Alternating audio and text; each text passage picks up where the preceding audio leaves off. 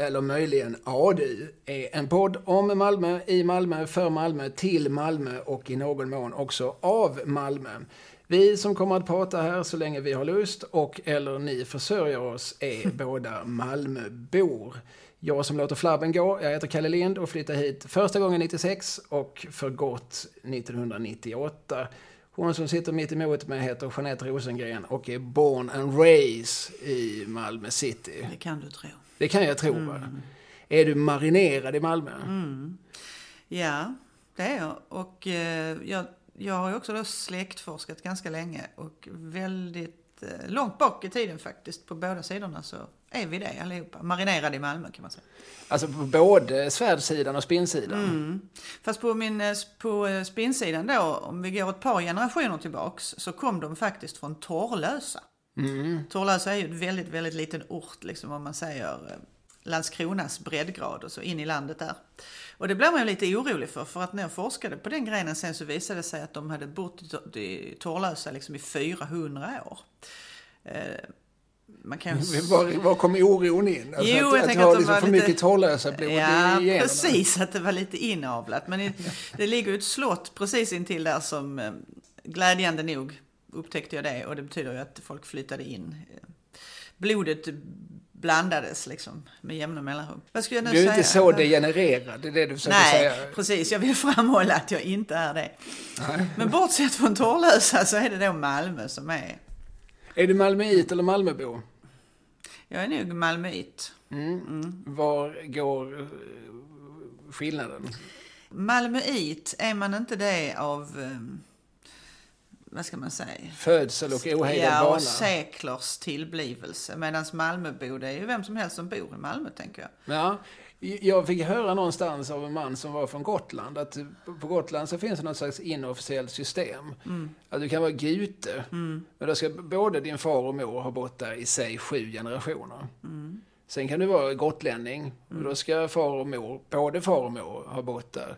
Eh, åtminstone vara födda och helst också eh, mormor och farmor och farfar och farfar.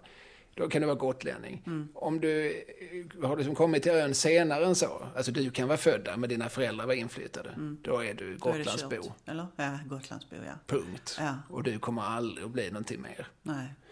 Eh, och så fick jag ju en gång lära mig att detta gällde också för Malmö. Att du, Malmöbo kan du möjligen bli, men Malmöit, det, det, det kan dina barnbarn, om de har tur, få räkna Tagas sig upp i detta sällskap, ja. ja. Jag ska bara lite snabbt presentera att det vi håller på med nu det är alltså en podd. Som man, eh, ja, har, ni som lyssnar har ju förhoppningsvis, eller med all säkerhet, eh, som satt igång den, så det vet ni väl om. Men eh, eh, tanken är att den ska hålla på eh, så, så länge jag får med mig dig. Så jag kallar dig Jeanette eller Vante? Ja, det är vilket du vill. Jag är så glad bara du pratar med mig. Liksom. Ja, ja. Ja men då kommer jag att säga Vante. För att Jeanette finns det tusentals, Vante finns det bara en. Just så. Men relationen oss emellan, det tänker jag att det kommer vara lite grann som det mellan Dr. Watson och Sherlock Holmes. Mm. Vilken vill du vara då? Jag är Watson. Mm. Eh, och, eller möjligtvis mellan, vad heter hon, Camilla Kvartoft och Leif GW Persson. Ah. Alltså, jag ger frågorna, du ställer svaren. Ja, ja. Du sitter här som, eh, Jag får vara morfinisten liksom. ja precis, excentrikern och eh, på alla, i bägge fallen en utpräglad excentriker. Men också den som sitter inne på svaren på orakelvis. Eh, jag kommer att häpet sitta vid din sida. Storögt lyssna. Medan du ur minnet plockar fram de mest udda och sensationella och ovidkommande rönen om Malmö. Om Malmö och eh, Malmös historia och Malmös människor och kanske dess geografi. Och Vi kommer att prata lite om ditten och datten. Vi sitter ju här nu i den så kallade Lindokalen. Eh, det vill säga på mitt kontor på Jäknegatan. Eh, bara några stenkast från Teater 23. Som ju var Malmös första det det är ju idag den absolut äldsta, men det var nog också en av Malmös första fria teatergrupper. Vet du vilka som grundade den?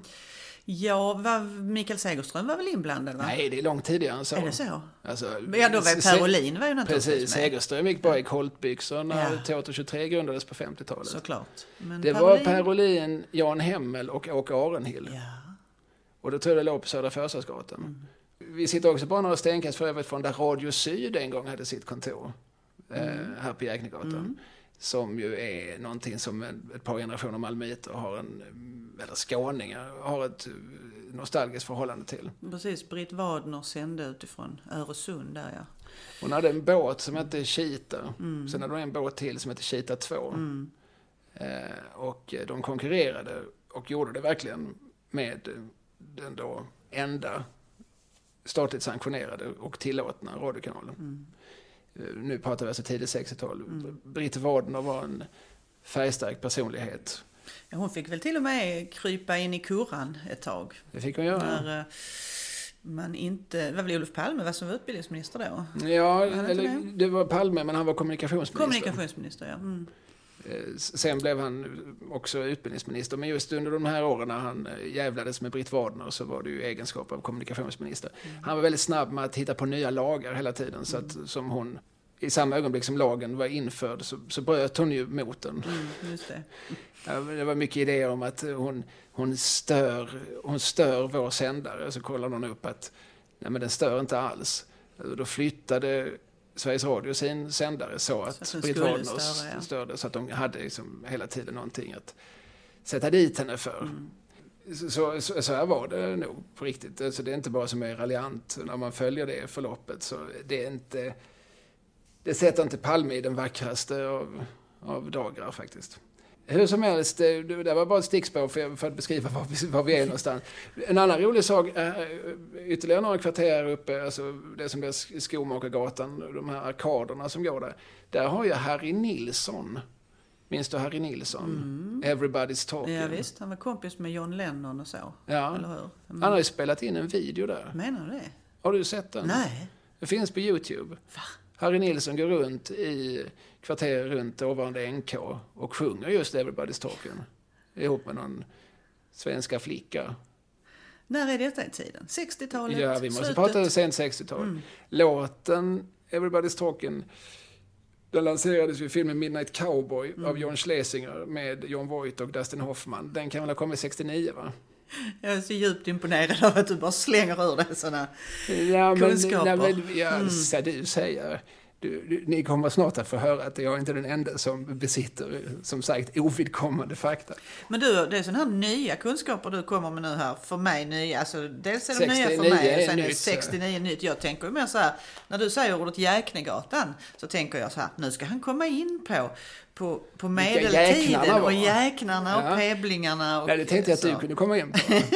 Vilka var jäknarna? Eh, ja, nej, men jag tänker väl att det är ju eleverna som går i Malmö trivialskola som låg här precis runt hörnet, alltså i närheten av precis invid Sankt Petri kyrka då. Och det är ju eh, en skola då som fick påvligt tillstånd 1406 va?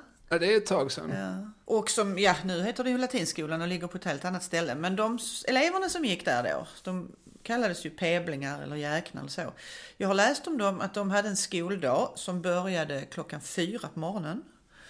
Och eh, sen slutade den klockan fyra på eftermiddagen. Ja. Så, men det var en halv dag. det kan man ju lugnt säga. De hade visserligen någon timmes rast. Det var en dag rättare sagt. Och sen så tillkom kom natten därefter. Så det var liksom ett halvt dygn. Ja. Ja.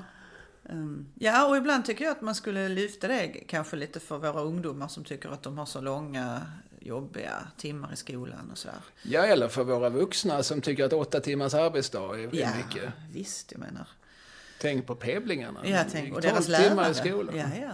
Ja. Vad lärde de sig? Ja, de lärde ju sig, eh, utbildningen var ju på latin för de flesta skulle ju där bli kanske präster eller ja, på något sätt ha hand om den typen av göromål. Så att um, de lärde sig mycket biblisk historia naturligtvis. Och latin som språk och så. Ja, sånt som kan vara bra att kunna i vissa specifika lägen i alla fall. Mm. Jag berättar att vi sitter här på mitt kontor som råkar ligga på Jäknegatan och det berättar jag för att eh, här är vi omgärdade av diverse böcker, den sortens böcker som man annars får gå ner på magasinet på stadsbiblioteket för att hitta. Och jag, är det här en filial då? Ja, det skulle man lite grann kunna säga. Här finns mycket sånt som är utgallrat och så står här har jag ju förbarmat mig över. Mm. Men ett antal av de ryggarna som, som finns här har ju då en liten logga och så står det Kira förlag. Mm, jag ser det till min glädje. Ja. Vad är nu det för ett förlag då? Kira förlag är ett eh, litet oberoende, det måste man ju säga också, för det är det ju. Vad är det oberoende från? Ja, man inte- oberoende är av, inga- av pengar? Ja, helt. Men det är inga stora finansiärer bakom eller stora förlag som eh, på något sätt inblandade. Utan det är ett litet förlag som ger ut böcker om eh, Malmö, Skåne, kulturhistoria och så. Och ja, grundaren till det, det är ju lilla jag då. Mm. När grundade du det? 2007. Men det var ingen utgivning förrän 2008. Nej. Och sen, Men sen, du, sen dess har du gett ut en miljon böcker. ja, så kan man väl Ge säga. och ta. Give or take. Eh, nej, men det har blivit några stycken. Det har det ju faktiskt. Med, eh, ofta med skånsk och inte sällan med Malmö-profil. Nej, men så är det ju. Det har handlat nu på sista tiden om Malmö Opera, om Piraten och ja, om Alfred Arvidius och Anna Maria Jönsson till exempel. Och det har varit om Östen Warnerbring. Vilka var nu de? Arvidius och Jönsson? Ja, alltså eh, en författare som heter Karin Nilsson Lövgren, hon har eh, skrivit den här boken då. Alfred Arvidius, han var arkitekt i Malmö. Mycket framstående sådan. Vi är runt sekelskiftet 1900 nu. Han har ritat bland annat Valhalla-palatset vid Gustav Adolfs torg. Du vet vilket jag menar, hörnet mot Södra Tullgatan där. Där låg Spis låg där en gång i tiden. En spis? Nej, alltså Spis, resebyrån. Jaha, Ja. jag för- försökte se framför mig någon sorts... Om du går liksom eh, mot södra, södra Förstadsgatan eh, söderut så har du ju, först har du liksom Trygghuset där till vänster då. Och sen på andra sidan där så har du Valhalla-palatset. Men det är det huset där H&M ligger? Eller är jag på helt fel nej nu, är du, nu är du på västra sidan där. Utan om du går Ah. liksom söder, mot Södra Tullgatan mot biografen Royal till Ja. exempel. Fast innan du har kommit så långt så, eh, så har du ju på stadens torg då, på den södra sidan där, så har du ett stort pampigt hus på höger sida på hörnen. Ja, okej. Och det är då ett av de husen som Där ligger nog fortfarande en resebyrå i botten. Eller Ja, har ju gjort till det. ganska nyss. Mm, det är inte omöjligt. Nej. Ja, okej, men det var Men- verk. Ja, ja, ja. Och han, han var en sån här person som, han var eh, oerhört verksam. Sen så dog han då 1915, väldigt eh, märkliga omständigheter, i sin bostad på Adelgatan. Och tillsammans med honom, när man hittar honom död, så hittar man då, han var alltså 53 år någonting. Så ligger då en 16-årig flicka. Det såg man ju inte direkt att hon var 16 år, men man såg ju att hon var väldigt ung. Och det visade sig att hon var fabriksarbeterska, kom från en fattig familj och eh, kopplingen till honom var ju från början väldigt oklar. Det skrevs ju om att skulle hon vara hans älskarinna och så vidare. Och eh, hur det nu var med det, det har ju då Karin forskat fram. Och eh, lett i bevis då att, att eh, eh flera olika saker som inte har varit kända tidigare. Som in, bland annat involverar Sara Leander faktiskt. Alltså, jag blir ju hur nyfiken som helst. Ja. Jag märker att du inte vill berätta allt, för du tycker att jag ska gå och köpa den här boken istället. Men kan man du... kan låna den på stadsbiblioteket. Ja, Eller men- något bibliotek kan man låna den. Ja, precis. Just Ja. mitt bibliotek finns den inte i än. Nej, men Det eh, ska jag se till det låter som att det bara är en tidsfråga. Ja. Mm. Ja. Men den här sortens böcker ger du alltså ut. Mm, just Eh, precis. Men när du inte gör det så går du runt i Malmö. Jag går runt pekar på saker. pekar och talar. För, för, ibland så med grupper. Och, eh, och så ibland så vänder man sig om så har alla gått hem så står jag där alldeles ensam och pekar. Är det sant? Nej, det har inte hänt men jag är alltid rädd att det ska hända. Jag tänkte att det kanske har hänt åtminstone en gång. Men du, har- men du har sluppit denna näsa hittills. ja. Men Jo, du gör kyrkogårdsvandringar och Mm. första gången vi någonsin träffades tror jag var på en Kirsebergsvandring Ja. som du höll. Ja, för det var just när jag bodde där och dessutom hade barn i barnvagn. Just det, för då var det en barnvagnspromenad ja. Mm. Och då pekade på olika hus och sa där har det bott en mördare och Mm. Ja. där har det bott en annan mördare. Precis. Där har det bott en skurk. Ja. Det bott en dubbelmördare. Ja, var, var det så många mördare där egentligen? Eller det är bara som du hittar på? Ja, jag hittar på lite grann. Det var mitt... mitt eh, Du pekar på fängelset så kunde man ju säga det ja, där, Där- där, det vet jag av erfarenhet att där har det suttit både en och två. Mm. Eh, De har jag själv varit med och låst in ett par av dem. Ja, du har ju eh, jobbat där. Ja, det hann jag göra eh, innan det lades ner. Mm. Så att det, det tycker jag ibland är lite spännande när man liksom inser att jag har hunnit göra någonting. Jag, Fredman var ju en gammal ärevörd jazzklubb i Malmö som fanns från 60-talet kanske till 2002. Mm. Och jag var med i den sista föreställningen som gjordes på Fredman. Mm. Jag hann liksom precis vara med. Mm. Så då hann man precis vara med i ett... Alltså du var med i föreställningen? Jag var med i föreställningen. Berätta vad du gjorde då. Nej men det var jag och mina kumpaner eh, i någonting som hette och i någon mån fortfarande heter Komikkollektivet Korv. Eh, en, en kille heter Johan Glans och har skördat en del framgångar på andra håll.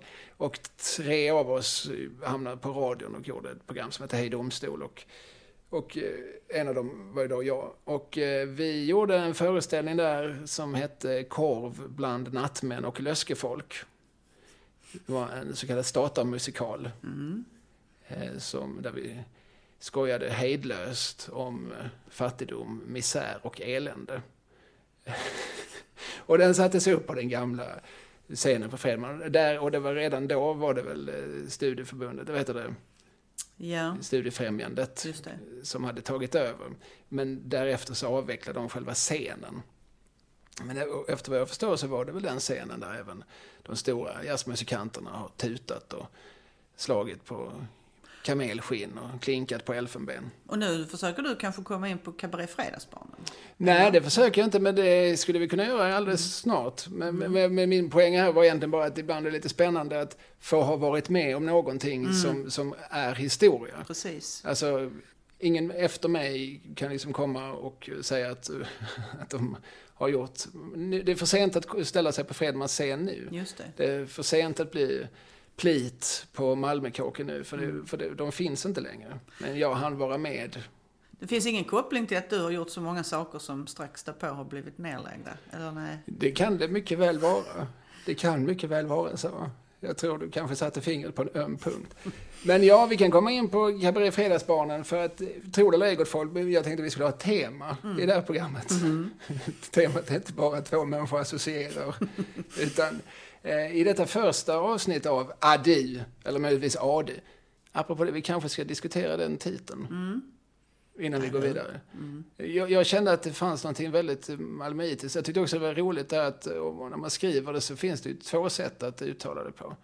Det är rätt stor skillnad om man skulle förklara för en uppsvensk vad, vad adi betyder. Vad skulle man säga då? Är du, eh, går det att förklara? Är det inte en, mer en känsla? Ja, okej. Okay. Eller? Alltså, hur skulle du säga? Nej, jag frågar dig. Det är du som är oraklet. Mm. Det här oket på mina axlar. Ja, nej men... Alltså, Orakeloket. Om man börjar med det andra då, eh, tänkte jag. För det kanske är lättare. Ja, du. Eh, jag vet inte hur det är med dig, men när jag var i blomman av min ungdom, när jag växte upp på Söderkulla i Malmö, så sa vi alltid det för att liksom bekräfta, fylla i, när den andra, om någon annan kom med något fakta. Ja, herregud vad jag håller med dig. Ja, du. Ja, du. Mm. Precis. Vad säger ungdomarna idag? De säger, eller hur? Ja, det gör de kanske. Kanske de, det kanske de till och med har slutat göra. Det är men... någon förkortning av det. ja, men det är, det är samma sorts begrepp liksom. Mm. Du, du, säger någonting, han är dum i huvudet. Ja du! Mm. Ja, att han är. Mm, precis. Så sa, så sa du också ja, så, så sa vi även i Eslöv. Mm. Eslöv eh, säger de i Lund. I Lund säger de så här. Lund är lilla Stockholm, Malmö är stora Eslöv. Mm. Så att jag är då uppvuxen i lilla Malmö mm. Eh, i analogi med detta. Eh, så, som varande eh, Eslövs bo. Mm. Jag minns mellan att jag var 7 och 19. Jag gick i skola i Eslöv. Jag föddes i Lund bodde i Lund till jag var 7. Men min mor tyckte att nej, nu är det dags att börja skolan. Nu lämnar vi Lund och tar oss istället till Eslöv. Vad fanns det för... Eh, Eslöv är mycket mer känd för sin undervisning än vad Lund är. Ja, naturligtvis. Ja. Det fanns inte mycket att diskutera. Eh, vi behöver inte Eh, fördjupa sig i de här andra städerna. Vi behöver inte ens låtsas som att de här andra städerna finns. Nej. Men ADU, mm. det är liksom förstärkande. Och väldigt positivt ord. Ja, precis. Mm. Men ADU är väl mer liksom, ADU, kom ja. inte här och kom. Skärp dig. Ja. Det är lite så. Ja, kamma dig. Ja. ja. Så att eh, därför heter podden som den gör. Mm. Och eh, som jag sa för en stund sedan innan vi, vi återigen kom in på ett stickspår så är tanken att vi i varje program ska ha eh, ett tema och zooma in på olika delar av, eh, av, av Malmö och då alltså inte bara olika stadsdelar utan eh, vi kommer kanske prata om Malmöskildrare, vi kommer att prata om eh, Malmömusik, vi kommer att prata om Malmöhistoria. Eh, vi får se vad vi kommer att prata om. Men håll, håll det här med Fredagsbarnen fortfarande i huvudet mm. för att i detta första program så ska vi diskutera ett begrepp som en av stadens stora söner har etablerat. Malmöhet. Mm. Alltså det betyder då inte att vara, vara som het. Så, nej, precis. Mm. Utan en sorts tillstånd. Han försökte, en sorts mentalitet. Mm. Han försökte namnge. Han kokar ner hela essensen av att vara malmöit. Liksom, i, ja, Malmö-attityd skulle man kanske kunna kalla det som en sorts... Eh, eh, han pratar ju om det lite som ett sorts... Eh, en, just, just som en sorts attityd. Eh, och vi pratar alltså om Jacques Werup som var ett av fredagsbarnen ja. som på 60 och framförallt 70-talen huserade på nämnda Fredman. Ska vi säga någonting mer om Jacques Werup? Jacques matthandlarsonen Werup ja. kallar hans kollega Fredrik Ekelund honom i en av sina böcker. Ja. ja, han var ju uppvuxen där på Drottningtorget där familjen då bodde, bodde och hade sin verksamhet ju. Mm. För fadern var matthandlare? Precis, och från början tror jag att det var, det var inte bara mattor va? utan det var eh, mattor och en massa andra saker som man kan ha i ett hem. Men sen så koktes det där ner till bara mattor efterhand. Och det är ju östra Malmö, det är ju eh, Östergatan som är hans mammas gata då. Alltså han, han växte upp i de gamla Karoli-kvarteren. Just det. Och gick eller på Karoli. Ja, det kan man ju. Karoli eller Karoli, ja. Eller Karolli. Kar har du hört någon som säger det? Ja, Karolli. har du aldrig hört det? Nej, nej. Ja, han bodde vid Karolli. ja, ja nej, det var nytt för mig. Hur som helst, han, eh, det han tittade ut över som barn, det finns inte kvar. Nej, det gör det, gör det ju inte. Och det, dels, men man kan säga också så här att, att eh, han, eh, Östergatan, där finns ju en hel del kvar. Eh, de här, vad ska man säga, fabrikörshusen. Jag tänker Sjöbergska palatset och sådana där lite pampigare, ståtligare byggnationer. Medan innanför i de mindre gatorna och gränderna, där har det ju skövlats och rivits något fruktansvärt. Där fanns det en massa medeltida bebyggelse, mm. medeltida gatunät, medeltida hus som man tog fram en jätte, jättestor osthyvel. Mm. När var det? Det måste vara ja, det är slutet på absoluta sista skälvande sekunderna av 60-talet och så början på 70-talet så river man ju bort flera kvarter. Som du säger, medeltida kvarter. Man kan ju spåra de här kvarteren ner till 12-1300-talet och eh, puffs så försvinner det och sen så blir det det här stora nya dels Carol City, alltså själva det här komplexet, men även andra. Först hade man gjort lite punktsaneringar där. Och man ska ju säga också när man pratar om det här att eh, man kan inte bara skylla på de politikerna som, som eh, var verksamma då. För att det här hade man ju beslutat om redan på 30-talet faktiskt. Eller tagit ställning till att sluta underhålla. Det är redan på Erik Bülow Hybes tid. Liksom. Man slutar underhålla hus och går det ganska snabbt ut för. Ja, jag tror att vi kommer komma in på det här i framtida program. Det här skulle jag säga är typiskt eh, ett sådant ämne som vi kan djupdyka i vid tillfälle. Vad man faktiskt drev och varför. Eh, men eh, Jacques Werup föddes, tror jag, 40... 45 va? Ja, eller jag skulle sagt 46. Aha. Men det här är ju sånt som man kan kolla på Wikipedia, ja, om man ja. nu verkligen bryr sig. Men, och han dog 2016 kanske. Ja, han blev ja. strax över 70. Ja, hans skor står där. På bron på Davidshalsbron va? Precis, där skor står. Mm. Där Way to go. Bemärkta skor står. Där hittar man också Eva Remaeus skor, mm. Östen Warnerbengs skor. Mm. Anita Ekbergs sandaletter och Carl Pedals blåa skor. Mm. Eh, med flera. Eh, hur som haver, eh, Jacques Werup han var eh, poet i grund och botten. Eller från början var han nog först och främst musiker. Fast mm. en eh, halvhabil musiker. Men han fanns i samma kretsar som Mikael Wiehe och eh, lite senare Björn Afzelius. Och så Undrar om inte Wiehe och Werup var med i samma Dixielandband. Med Koling va? Ja, lett av Hans Carling, mm. pappa till Gunhild. Mm. Eh, jag tror de lite grann började sin karriär som, som blåsmusiker på 60-talet. Dix innan den där eh, jazzen tog över, alltså den mer, vad ska vi kalla den då? Cool, cool, cool jazz, ja. Mm. ja precis. Och sen så kommer ju rocken och så och blir mm. ungdomens musik på ett annat sätt. Men i början på 60-talet så, så bland läroverksungdomar så är ju eh, Dixieland som väl egentligen är 20-talsmusik i grund och botten. Mm. Det blev väldigt hett. Jag vet att eh, Folkpartiet i valet 68, de, då turnerade Per Ahlmark runt i halmhatt på vilken det stod rösta ungt och eh, så hade han ett Dixieland-band och Lasse Berghagen med sig. Är det sant? Det är sant. Oj, oj, oj. Vänsterpartiet kommunisterna de hade Cornelis och sossarna hade Monica Zetterlund. Mm. Eh, så såg det ut 1968. Mm. Eh, det var inte Folkpartiet gick bäst för. Men det behöver inte bara ha berott på, på deras artister. Stackars Lasse. Mm. Men varför pratar vi om Jacques Werup? Jo, han skrev ju eh, boken Hemstaden. Mm. Som jag skulle rekommendera alla som vill försöka förstå den här staden mm. faktiskt. Den är... Jag har inte läst allt Jacques Werup skrivit, men jag, av det jag har läst så är det tveklöst bäst. Ja, hans, det är ju hans uppväxt. Ehm, det är 50, det är 60-tal.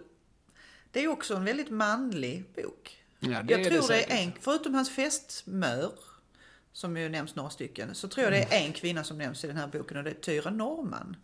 Som var någon sorts, eh, hon hade, Normans, vad det nu var i den affären minns jag faktiskt inte, men hon var också poet. Och skrev, jag vet inte hur pass publicerad hon är, men annars är det en väldigt manlig värld i hans ungdomsliv. På något ja, sätt. Både den är så kallat androcentrisk för att prata akademiska. Vad betyder det? Manlig. Jaha, Andro man, centrisk, eh, centrerad kring. Se, ja. precis. Uh, jo, så är det faktiskt. Kom inte låtsas som att du inte kan akademiska. Nej, du, jag är vanlig enkel människa. Det blir så väldigt mycket Malmöit nu. Så, ah, så där, Lund, jag hittar inte till Lund, det känner jag inte till. Ah, avståndet mellan Lund och Malmö, det är avståndet runt jorden, minus 18 kilometer. Ja, ja, ja, nu kommer den attityden. Jag, jag, vet nog att du också har några akademiska poäng i bagaget. Försök inte lura mig. Ja. Nej men, eh, jo, Jacques Werup, ja. han eh, var ju som poet, och det är ju kanske inte det mest lukrativa man kan vara, men han var ju en sorts poet som faktiskt eh, var lite mån om att folk skulle förstå honom mm. och lyssna på honom. Så att han eh, läste ju gärna sina eh, dikter eh, live. Så han var ju även estradör. Just det. Och på 70-talet slog han sig ihop med poetkollegan Lasse Söderberg. Mm. Som faktiskt är i livet. Just det. Och han är nog 90. För han var ju med redan på 50-talet. Mm, med, med um, Birgitta Stenberg Precis, och sådär. Ja. Paul Andersson, mm. den så kallade metamorfosgruppen. Uppe i, som då, uppe i Stockholm. Sen kom han till Malmö och slog sig ihop med yngre människor. Också pianisten Rolf Sersam och eh, blåsaren Frans Sjöström. Mm. Som också har spelat mycket med Wiehe. Mm. Eh, och de bildade den här lilla klubben. Och det gjorde de nog först och främst för att de ville ha en plats att läsa sina egna dikter. Och, och även låta liksom, musik och poesi mötas. Men sen så blev det lite grann till någon sorts... Det blev ju en kabaré. Mm. En sorts allkonstverk där väldigt mycket var, kunde vara med. Ricky Bruch kom dit ibland och läste sina dikter och kanske kasta en diskus. Mm. Ja, det kanske han inte kunde göra inne på fred. Men, men, men alltså den sortens jippon, mm. de hade nog sådär liksom starka män som kom och rev sönder en telefonkatalog. Och sen så vet jag att de hade Cornelis där. Och då sa de till honom, du får inte ta med dig gitarren. Så Cornelius läste sina dikter som han faktiskt har skrivit och som ingen annan någonsin hade frågat efter. Mm. Så att han har varit väldigt tacksam för att ha fått den slotten en kväll. Det, skulle, och det var väl väldigt mycket sådär högt och lågt. Det kunde ju vara en... Plötsligt så var det någon eh, finstämd lyriker och sen så står Carl Pedal där direkt efter. Eller vad det nu kunde vara. Ja. Ehm, men du och jag är ju lite för unga för att kunna ha varit med där, eller hur? Ingen av oss har sett detta med egna ögon. Och, där ska vi vara noga. Ja, och då vet jag ju att SVT filmade en del av de här avsnitten. Men vet du var de finns? De finns väl i så fall, om de finns så finns de ju på SVT.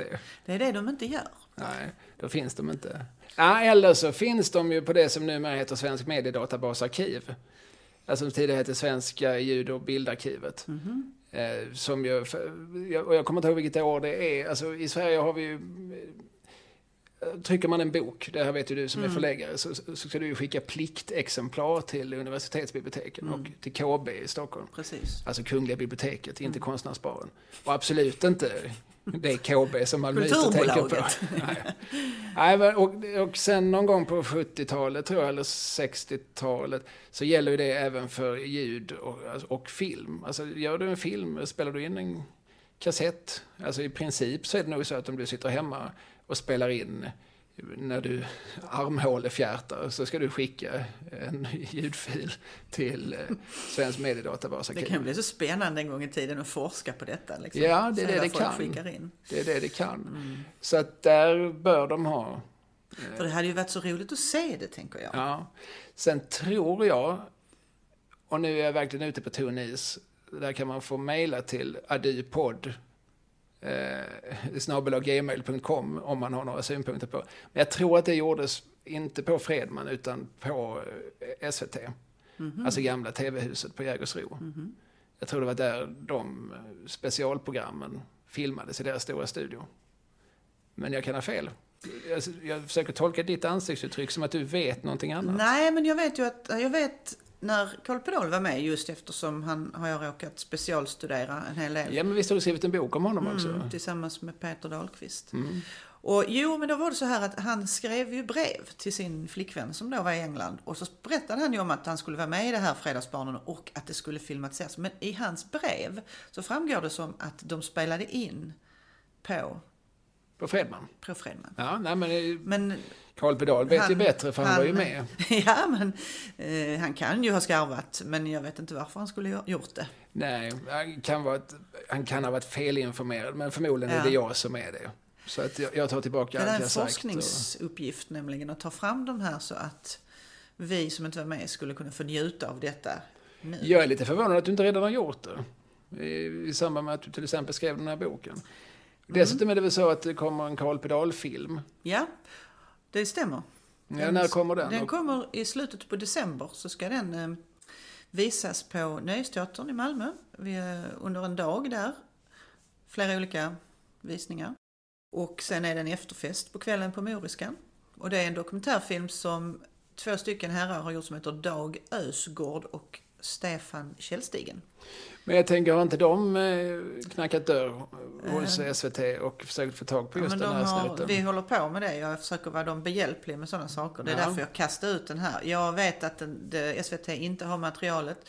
SVT har deponerat rätt mycket av sitt arkivmaterial hos Malmö museer. Men där finns det inte heller.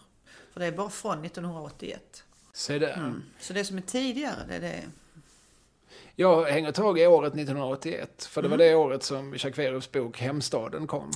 Och jag vet att det var den vi började prata om för en stund sedan. Det var en snygg övergång. Ja, jag var va? lite imponerad Ja. själv. Jag har ju ändå jobbat ett antal år på P4, Ja, så jag har lärt mig sådana här så kallade segways, eller Mm. övergångar. I den här boken, alltså, jag, jag tycker om den, det är liksom lite stämningar, det är lite, det är lite barn och ungdomsminnen, men så är det lite reflektioner kring vad Malmö är för, Mm. för Jacques och, och, och vad det har betytt för honom och så. Och i ett kapitel som då heter Särtecknet så lanserar han det här begreppet Malmöheten. Eh, och han pratar just om en eh, mentalitet som inte bara yttrar sig i en ytlig dialektal särart. Eh, inte heller blott i några påfallande maner eller synbara handgripligheter. Den sitter innerst inne i märgen. Osynlig, obeskrivlig och abstrakt. Eh, och han eh, berättar ju där en historia om när han är i Amazonas. Tillsammans med sin vän Filmaren. eh, Lars Persson. Som var, eh, enligt eh, Jacques Werup, då var resenär, indiankännare och författare. Ja, ja, ja, just det. Och de, är på, de är alltså på Amazonas. Jag citerar nu. Vi hade råkat ut för ett fruktansvärt skyfall långt upp för småfloderna i det colombianska Amazonas. Och vi sökte skydd i urskogen, höll på att dra upp vår kanot och plötsligt en hel hop nakna indianer dök upp från ingenstans. Ovanligt gestikulerande och högljudda för att vara naturmänniskor. Själv blev jag livrädd. Jag tyckte att deras attityd verkade mer än hotfull. Såg mig själv, hotfull. Såg mig själv halvvägs ner i grytan inför en sån där rolig middag som tecknade serier brukar avbilda. Men Lars skakade bara på huvudet åt infödingarna och viskade bryskt bort dem samtidigt som han sa Sicka fubikar ni är. Indianerna sken upp och lommade iväg som småpågarna på Sorgenfris fotbollsplan när de större tog målen ifrån dem. Jag stirrade på Lars, fullkomligt tillintetgjord. Ja, vad fan då, va? sa han. Då förstod jag en gång för alla, skriver alltså Jacques Werup 1981. Och det här är då det han kallar Malmöheten. Mm. Avadodo-attityden mm. kallas den ju för ibland.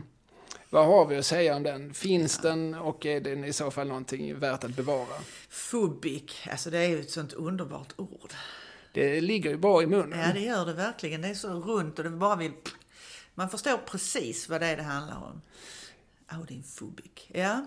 ja, det begreppet fubik, vi kan stanna upp lite grann vid det. För att när jag kom till Malmö eh, i slutet på 90-talet, när jag Nej, det låter som att jag kom långväga ifrån. Mm. Att jag vandrade i dagar och nätter. Det var ju 28 men minuter med tågtåget. ja. Nej, men, men Malmö var ju, när jag växte upp i Eslöv, för oss var inte Malmö så självklart att ta sig till. Alltså Malmö tog vi oss till mer för att vi sen skulle ta oss vidare till Köpenhamn. Mm. Malmö var lite dunkelt. Det var liksom mm. lite svårt. Vad, vad, ska man göra där? Det är ju liksom Sveriges tredje största stad. Men vad, vad finns det för oss? Lund, som låg, dels låg närmre, men, men som också var på något vis liksom lätt, mindre och mer lättöverskådligt. Där hängde vi mycket, men jag minns, har många minnen av att vi liksom gick och frös i Malmö och inte riktigt visste vad vi skulle ta oss för. Mm. Och så var... gjorde jag. Jag är ändå uppväxt i Malmö. Jag gick hela min ungdom och frös och visste inte vad jag skulle ta mig I för. efterhand har jag ja. förstått att ja, det är så man gör som tonåring. Det är det tonåringar gör. Så de går och fryser. Och det blåser också dessutom alltid på tvären här liksom, så att man fryser. Oavsett vilket håll du går åt så har du motvind. Mm.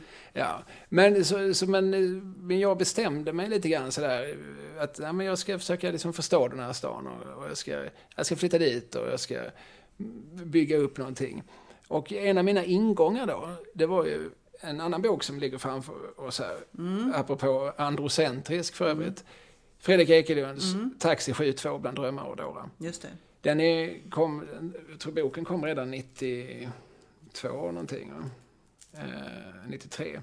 Men eh, 97 vågar jag säga att pjäsen... Fubic Town? Ja. Eller? Precis. Mm. Som spelades på på Stadsteatern? Nej, eller vad heter det? På konst, Konsthallen, va? Ja, det gjorde den säkert också, men jag såg den på Fredman. Ah, för att klart. knyta ihop ytterligare ah. en säck i det här ja, samtalet. Ja, ja. På Fredman mm. spelade Pierre Dalander. Ja, monolog, eller hur? Ja, det var en timmes lång monolog mm. där han är en Malmöfobik, mm. en eh, narkoman, väldigt stissig mm. amfetaminist.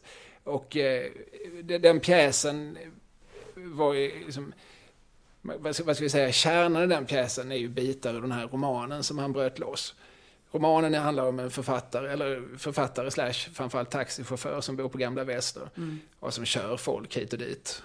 Men vid ett tillfälle, och i ett väldigt långt kapitel, så kör han den här eh, narkomanen. Mm. Så, så kapitlet består liksom av långa, långa stycken eh, dialektal monolog. Mm. Men den har jag alltså inte läst, utan, utan jag såg pjäsen mm. först och främst, som, som ju då också är upp utbyggd. Alltså han står en timme och, och, och pratar på eh, bredman malmöitiska. Det var där första gången jag stötte på begreppet svinaryssland. Jaha, var det det? Till exempel. Ja, ja. Mm. Eh, och eh, för mig var det en oerhört stor teaterupplevelse. Jag såg den två gånger. Mm. Eh, och jag brukar säga att det var som ett av skälen till att jag valde att stanna kvar i Malmö.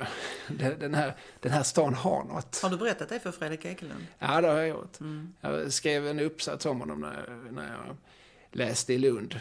Eh, som jag skickade till honom. Eh, jo, men... men eh, den heter hur som helst Fubic Town. Mm. Och Fubic skulle ju många säga som att det, har du ett väldigt typiskt Malmö-uttryck. Jag har en god vän som är uppvuxen i Malmö och, och Malmöpatriot. Mm. Han är uppvuxen i västra Malmö. Mm. Han är uppvuxen i någon villa på sig, vad kan det heta, Rosenvång. Mm. Uh, och han brukar berätta när han såg affischen till Fubic Town. Att han ropade på sina kompisar. Vet ni vad Fabic betyder? Jaså, det var inte känt det begreppet i de delarna. Det hade inte letat sig ut i det fina Malmö. Mm, där ser man. Nej, det kanske är mer ett sånt där knogar-uttryck. Jag sitter här hela tiden och tänker på varför tänker jag på konsthallen? Men det kan inte vara så att, för det kom ju en uppföljare sen som heter Fubiktown Återkomsten. Den såg jag på Victoriateatern. Jaha, vad är det jag har sett på? Men jag kan mycket väl tänka mig att han spelade den på flera ställen Ja. Mm. eftersom det var en monolog och den krävde ingenting annat än, än en Pierre Dalander och Nej. en publik. Just det. Så tror jag att den har spelats på många ställen. Mm. Jag kan absolut tänka mig att den har spelats för socialförvaltningen och på olika socialkontor och så. Mm. Alltså, specialbeställda. Syftet att, ja, Det var väldigt spännande att se, minst framförallt för när jag såg Fubik återkomsten. Som vi kom eh, 2000 mm, någonting. nej. Ja. Eh, att det var många i publiken som satt och sa ja, just det. Ja. När han stod på scen och pratade om Tage Tosa Ja. till exempel. Ja. Jag hörde man folk så, oerhört spontant utbrista. Mm. Alltså det fanns verkligen ingen vägg mellan han som stod på scen och de som stod. Det var liksom inte...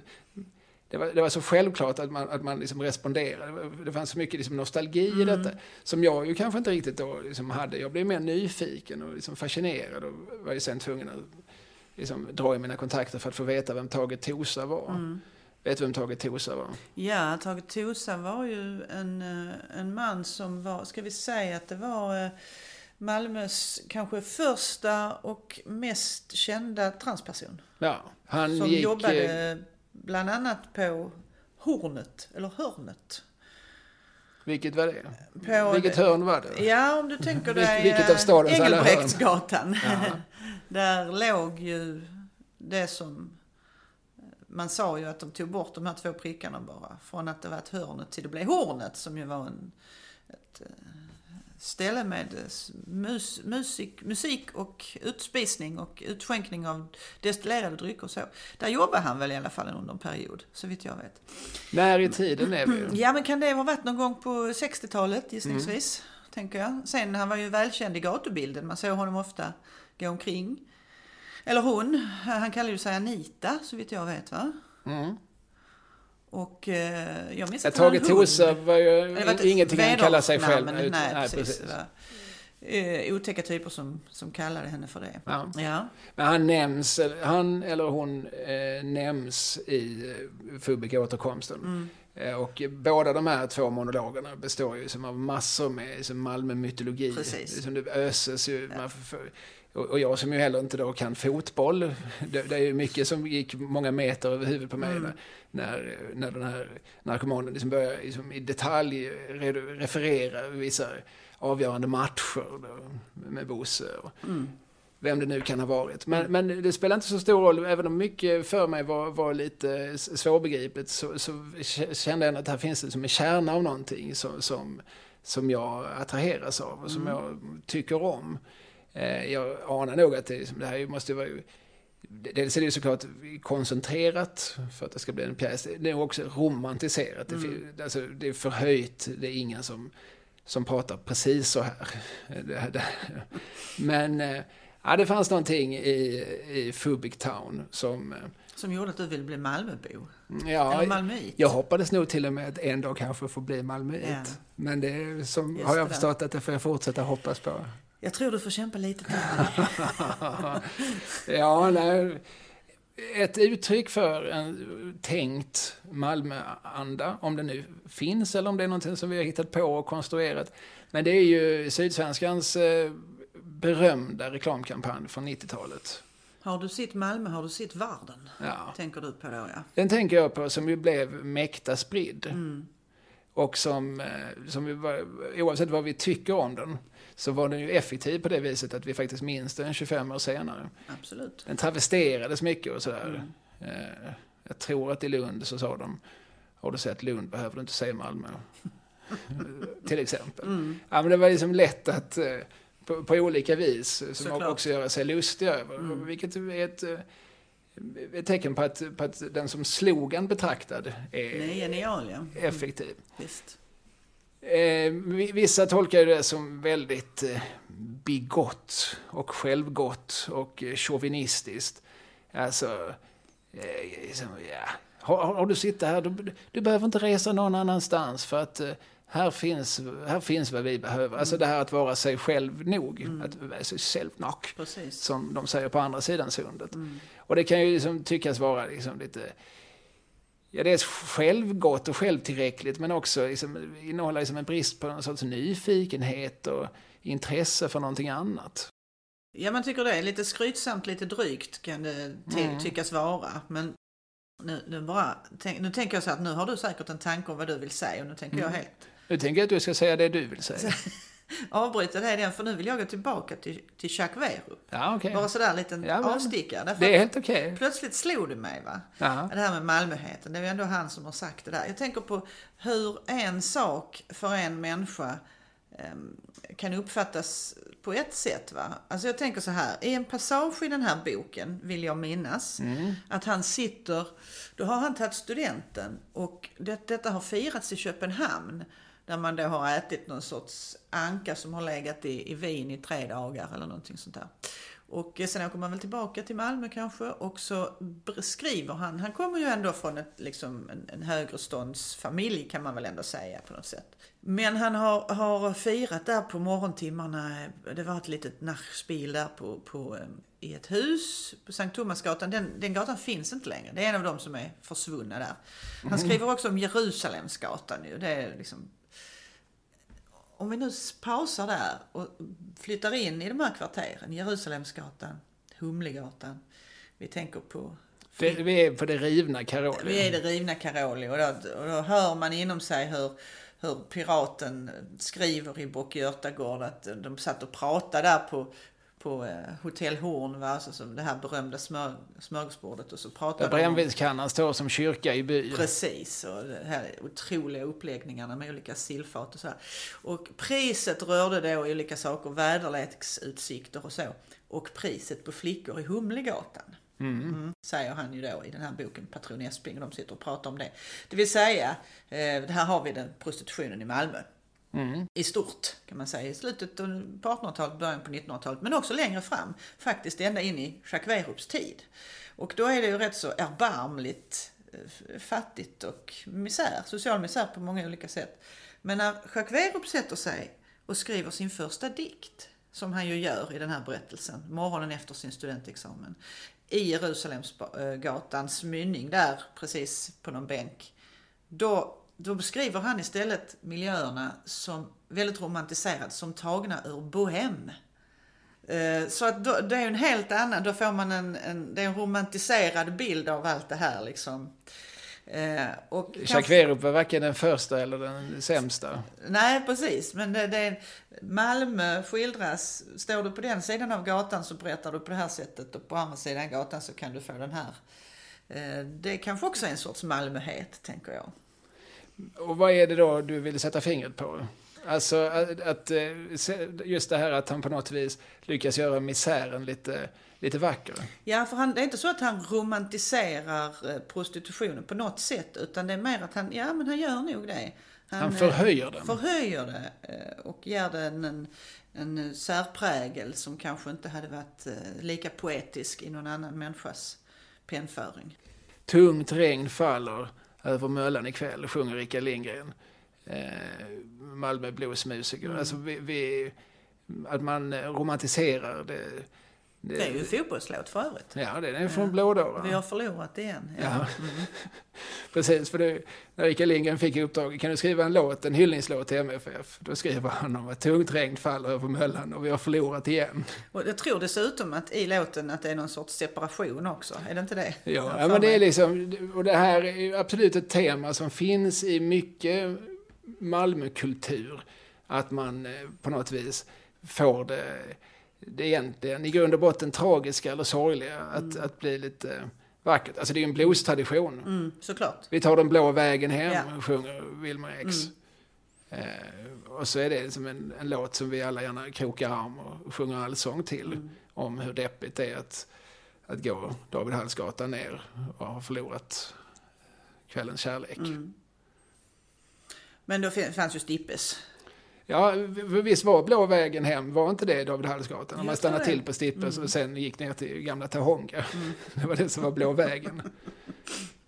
Har någon berättat för mig. Om någon har någon annan uppgift så, får man gärna mejla oss på adupodd, podd med två D, snabel gmail.com. Du, eh, jag tänker att vi ska börja avrunda lite grann. Mm. För vi eh, har ju fler poddar att prata om. Precis. Där vi kan sitta och associera fritt. Eh, ni som lyssnar, det här är ju en podd som vi gör på så kallad SPEC. Alltså SPEC med EK. Alltså inte... Inte ja, du, du tittar på mig, jag har förvisso SPEC med Ä. Inte, men... med, inte med valfläsk, alltså, utan med, med, på spekulation, som det, som det heter på kulturarbetarsvenska på, vi skriver saker på späck. Vi gör saker på späck. Det vill säga, vi har, vi har ingen sponsor, vi har ingen finansiär, vi har ingen mecenat. Nej. Utan eh, vill man att det här ska kunna pågå i all evighet så får man vara så snäll och bidra själv. Eh, då finns det någonting som heter Patreon. Är du bekant med det? Berätta vad är det för någonting. Man kan, bli, man kan bli Patreon och det betyder att man stöttar det här ekonomiskt. Man går in på en sida som heter patreon.com, alltså Patreon. Mm patreon.com. Mm. Ja, precis. Ja. Och där söker man upp den här podden som alltså heter ADU-podd. A-D-U-P-O-D-D. Eh, och sen så klickar man där på någonting som heter Become a Patron, alltså bli en Patreon. Det är inte alls så krångligt som det låter. Allt det här framgår när man kommer in på patreon.com. Och sen så, eh, så väljer man att bli månadsgivare. Man kan ge en dollar. Mm eller kan man ge 1000 dollar i månaden. Det är liksom som att bli blodgivare fast man ger pengar istället kan man säga. Men jag vet inte om du är blodgivare, kan du själv välja vilken mängd blod du vill ge? Nej, jag tror inte det. Nej. Så där är ju en fördel. Mm. Om ni står i valet. Om ni vill. Ska jag, vad ska jag göra den här månaden? Ska jag donera lite blod eller ska jag donera lite till den där Adu-podd? Man kan ju göra båda delar för Det kan man göra. Men då ska jag bara säga att fördelen vi har det är att mm. man får själv välja mängden. Ja. Så man kan ge liksom allt från en dollar och så mycket man tycker sig ha råd med. Eh, och eh, gör man det så kan man då också eh, få mejla oss. Det kan man även om man inte är givare. Men eh, om man har frågor och synpunkter och... Eh, du sitter inte och jämför sen då? Alltså så att det här mejlet kommer från någon? Så gör ju många poddar. Alltså att, att, man har liksom special, små, små gåvor till, eh, till sina patroner. Ah. Att patroner får vara med och välja ämnen. Eller mm. om man har en podd som pratar film så kanske det är de som, som är månadsgivare som bestämmer vilken film de ska prata om. Mm. Eh, och så, så kanske vi gör framöver också. Men än så länge så, så funkar det så här. Att om man vill, och det är högst frivilligt, så går man in på patreon.com och så letar man upp Adu-podd. Jag känner att jag måste säga det många gånger för det är så ovanligt ord. Adu-podd. Mm. A-D-U-P-O-D-D. Vi stavar alltså podd på svenska. Uh, inte, inte podd, som uh, med ett D.